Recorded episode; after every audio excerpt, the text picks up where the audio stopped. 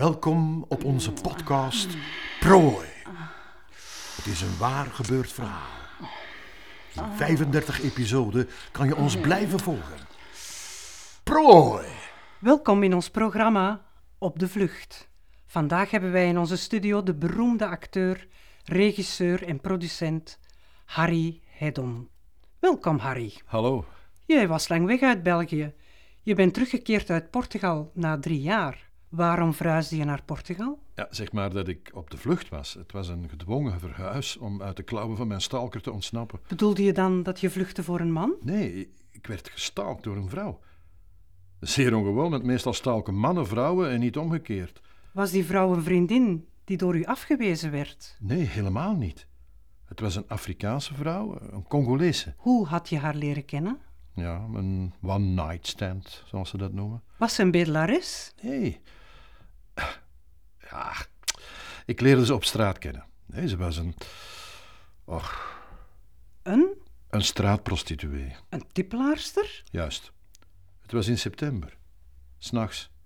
Ik had in Antwerpen tot vier uur de hele nacht whisky gedronken.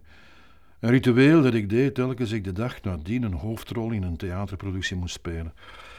Ik speelde de hoofdrol eh, in een toneelstuk van Archer Schnitzler, Het Gewijde Land.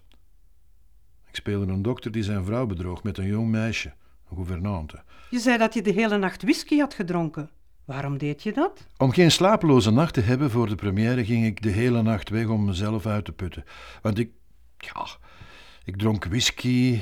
eh, en de volgende dag, ja, dan heb ik altijd zo'n beetje meer extra adrenaline, zeg maar. Maar tegelijk voelde ik mij zelf zeker in mijn rol.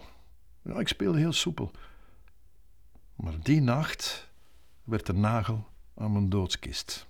Mhm. Het was een ijskoude winternacht in januari 1998, als ik me niet vergis. Ik doolde door Antwerpen van kroeg naar kroeg en gaf mij over aan een ritueel. Zoals ik al zei, waarvan ik naïef geloofde dat ik erin slaagde een goede première te spelen, mits ik mij helemaal volledig uitputte. En om mijn zenuwen de baas te blijven en niet het slachtoffer te worden van een slapeloze nacht, deed ik het tegenovergestelde van wat er van ons verwacht werd. Ik ging niet op tijd naar bed om goed uitgerust en fris op de planken te staan. Ongelooflijk, maar het is waar. Nee, nee, ik bleef wakker en putte mezelf dus uit door de hele nacht te dansen en whisky te drinken, ja, het zotken uit te hangen. Hè. En dat had al een paar keer geholpen om de angst en de stress voor zo'n voorstelling te verdrijven. Ja, de première heeft altijd een aparte spanning. En overdag sliep ik dan in, in mijn bed, eh, mijn roes uit en s'avonds sprong ik nou, met wat een, een tazige kop, met, maar toch alert op het podium. Het publiek en de theatercritici accepteerden meestal dankbaar mijn nachtelijk offer. Ja, dat ritueel, dat, dat werkte. Maar tijdens die ijskoude nacht in januari deed ik iets wat alle automobilisten deden. Ik stopte gewoon voor een verkeerslicht, rood. Sprong op groen, maar ik vertrok niet. Want tussen de regendruppels zag ik een grote zwarte gestalte over het zebrapad schrijden. Op haar hoge pumps kon die look-alike van Tina Turner, echt hoor, niet anders dan voorzichtig bewegen. Een beetje ongemakkelijk zelfs. En die traagheid gaf die zwarte vrouw, vrouw, mhm, misschien een zwarte man, travestiet, weet ik veel, droeg in ieder geval een blonde pruik. Het maakte haar mythisch. Met haar wit leren jasje en haar gouden mini glitterrokje, waardoor haar naakte gespierde bruine billen nog beter tot hun recht kwamen, had ze de waardige uitstraling van een, echt waar hè, van een Griekse godin. Aphrodite, ja ja. En om haar aandacht te trekken, klaksoneerde ik drie maal. Het verkeerslicht sprong weer op rood. Het niet-Europese geluid van de toeter van mijn rechtstreeks uit Amerika geïmporteerde Chevy klonk zwoel en uitnodigend. Alles viel schoon bij elkaar.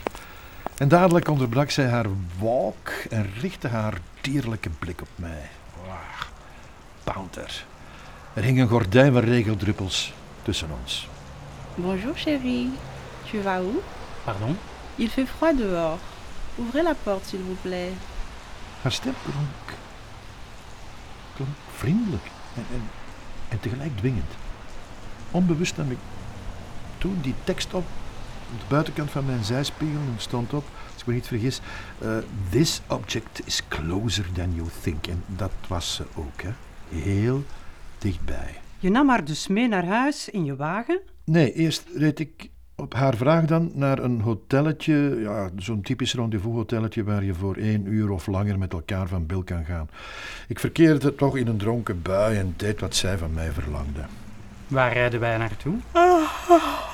Naar Hotel Madison. Ben je te moe om... Ik eh, ben nooit moe, chérie. Rij naar Hotel Madison, dan zul je wel voelen dat ik nooit moe ben. Waar ligt dat hotel? Derrière l'Athénée, in de Oude Weltestraat. Mais non, ce n'est pas par là. Mais l'autre côté, chérie. Mais, mais enfin, tu ne connais pas Anvers ou quoi Blind? Ja, echt blind liet ik mij door mijn zwarte gids naar een oud burgerhuis voeren. Het symbool van de welgestelde burgerij was omgebouwd tot een rendezvous-hotelletje met de spreekwoordelijke naam. Wat was het nou weer? Eh, Hotel Madison. Ja, Hotel Madison, zoals Madison Bridge met Clint Eastwood en Meryl Streep. Prachtige romantische film.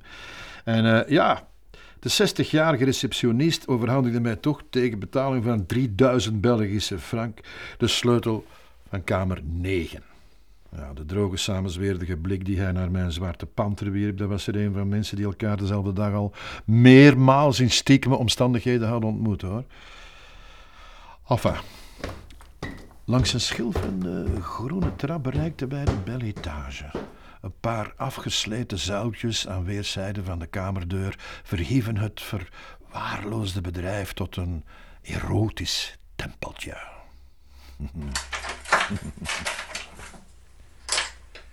Toen de deur opende, klonk er een mix van flauwe romantische muziek.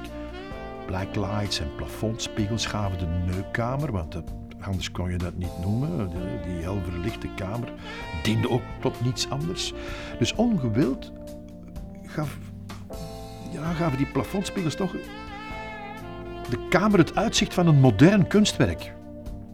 Waarin een optisch effect werd gecreëerd dat de toeschouwer een buitenaards gevoel moest geven. Ja, uh, Chaim heet die kunstenaar ook. hè, Met oneindig veel diepte daarin. Nou, de zwarte hoer die waste mijn genitaliën grondig. Deze verrassende service katapulteerde mij terug in mijn kindertijd. Toen ik als vijfjarige in een zinken tijl die op de keukentafel stond van mijn vader, of nee, wat zeg ik, mijn moeder. Mijn vader zat een krant te lezen in, in zijn zetel. Maar mijn moeder gaf mij een zondagse wasbeurt.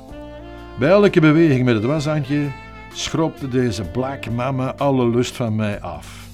Hoe heet je? Bijou, ik ben Zaïrees. Amai, je bent een proper vent. Je reçois souvent des hommes puants ici. Stinkers over de vloer. Bah, Kom aan, we beginnen eraan. Ik duwde haar voorover. Een kat gepat, zoals ze zeggen.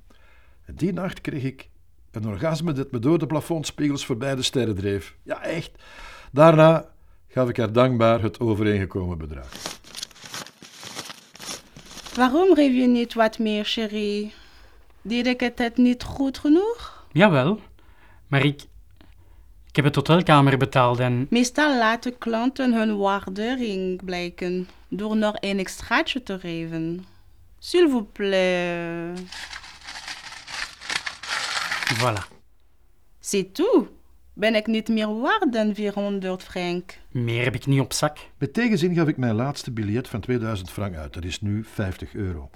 Gretig stak zij het geld op de bodem van haar plateauschoen. Ja, deze straatmoederlief die wist hoe ze haar puit moest verdedigen.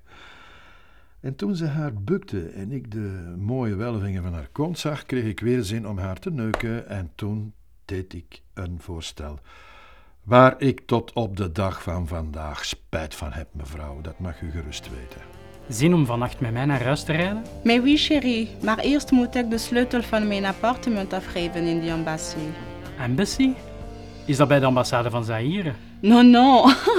De Embassy Club in striptent op het Koningspleintje. We reden naar het Koningsplein, in de volksmond Le Petit Congo genoemd, omdat er veel Congolese bars waren.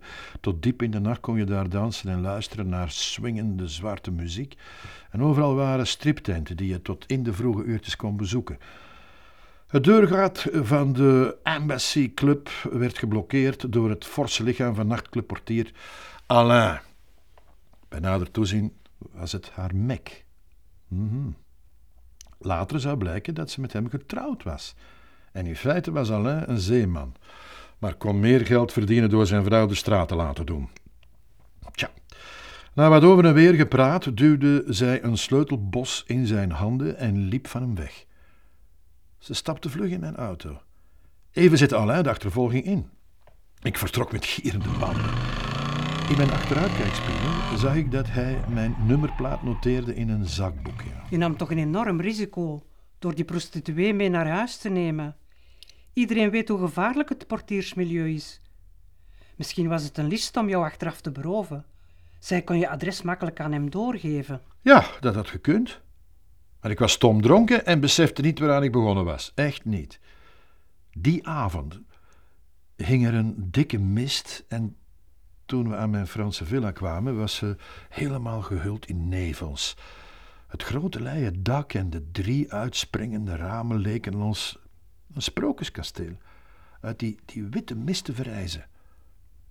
Bijou schrok wakker toen ik op de oprit reed en onder invloed van de whisky brusk stopte. Waouh. Le château blanc, chérie. C'est à toi. Nee. Ik huur deze villa. Samen met een vriend. Ah, des homosexuels. Nee. Vrienden. Jeugdvrienden. Het was vijf uur s morgens en mijn medebewoners sliepen. Werner, mijn jeugdvriend waarmee ik de villa huurde, had onze flatcoated retriever in zijn kamer meegenomen en Sarpong, dat was een Ghanese asielzoeker die wij als inwonende knecht hadden geëngageerd, sliep als een os, zoals altijd. Ik waggelde naar de keuken en opende een fles Veuve Clicquot. Champagne. Niets was mij te veel om de rituele nacht in schoonheid te beëindigen. Ik schonk de gouden pareltjes in een melkkleurig sierlijk champagneglas. Ouh là là, een vijver. Mais c'est magnifique. Santé. Wat scheelt er? Wat gebeurde er toen? Wel, Bijou goot de inhoud van haar glas champagne in het donkere water van de vijver. En smeet het dure champagneglas kapot op de koop toe. En dan viel ze op haar knieën en begon ze in een, een onverstaanbaar taaltje te bidden. Wat zeg ik? Nee, ze begon te smeken. Ze snikte en ze smeekte tot haar, ja, dode vader. Ze bad tot haar dode vader. En door heel die smeekbeden veranderde de pool in een onheilspellend Afrikaans meer voor mij, waaruit de doden zo weer zouden verrijzen. Nzambe tata yo vanda kana likolo. Papa sunga ngai kivi na ngai changer vraiment. O makambo nini oyo nazomona. Waarom doe je dat? Chérie, bij ons zijn de doden niet dood, zoals bij jullie, hè? Hola. Mijn jonge heer is nog niet dood. Kom, we gaan naar mijn slaapkamer. Ik ben bloedgeil.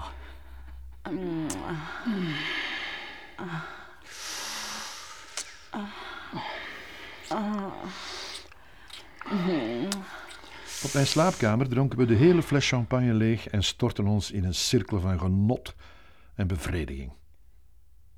Om twee uur 's middags werden wij gewekt door Werner. Ja, Sorry, maat. Ik dacht dat je vandaag moest spelen.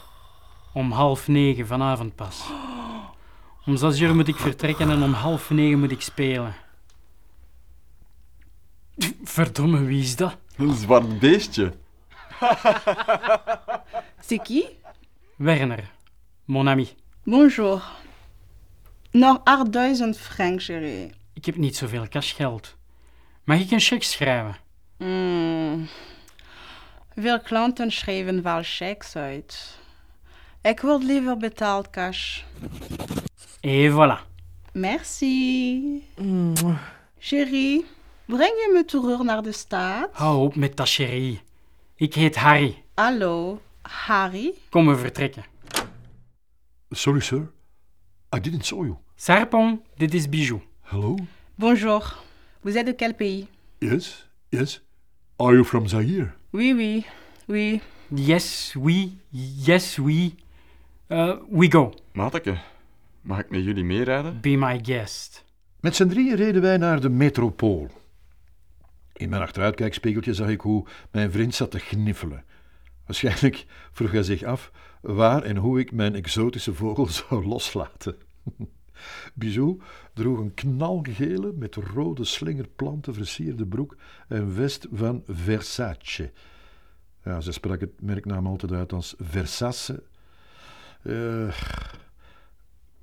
voetgangers flaneerden overal over de paden van de mer en de keizerlei. We moesten, voor haar dan, hè, voor een Versace-winkel stoppen. Hier ga ik een nieuw jas kopen, chérie. Wanneer zien we elkaar terug? Uh, Wacht, ik geef je mijn telefoonnummer. je hebt niks bij om te schrijven. Wacht, ik heb een zakagenda bij. Iets om te schrijven? Nee, heb ik ook niet. Werner? Nee, ik heb geen pen bij. Attends, avec l'eyeliner, ça va aussi, hein? Bel me, chérie. Kus. Wacht niet te lang. Doei. Echt? Echt? Ze lijkt op die travestiet uit...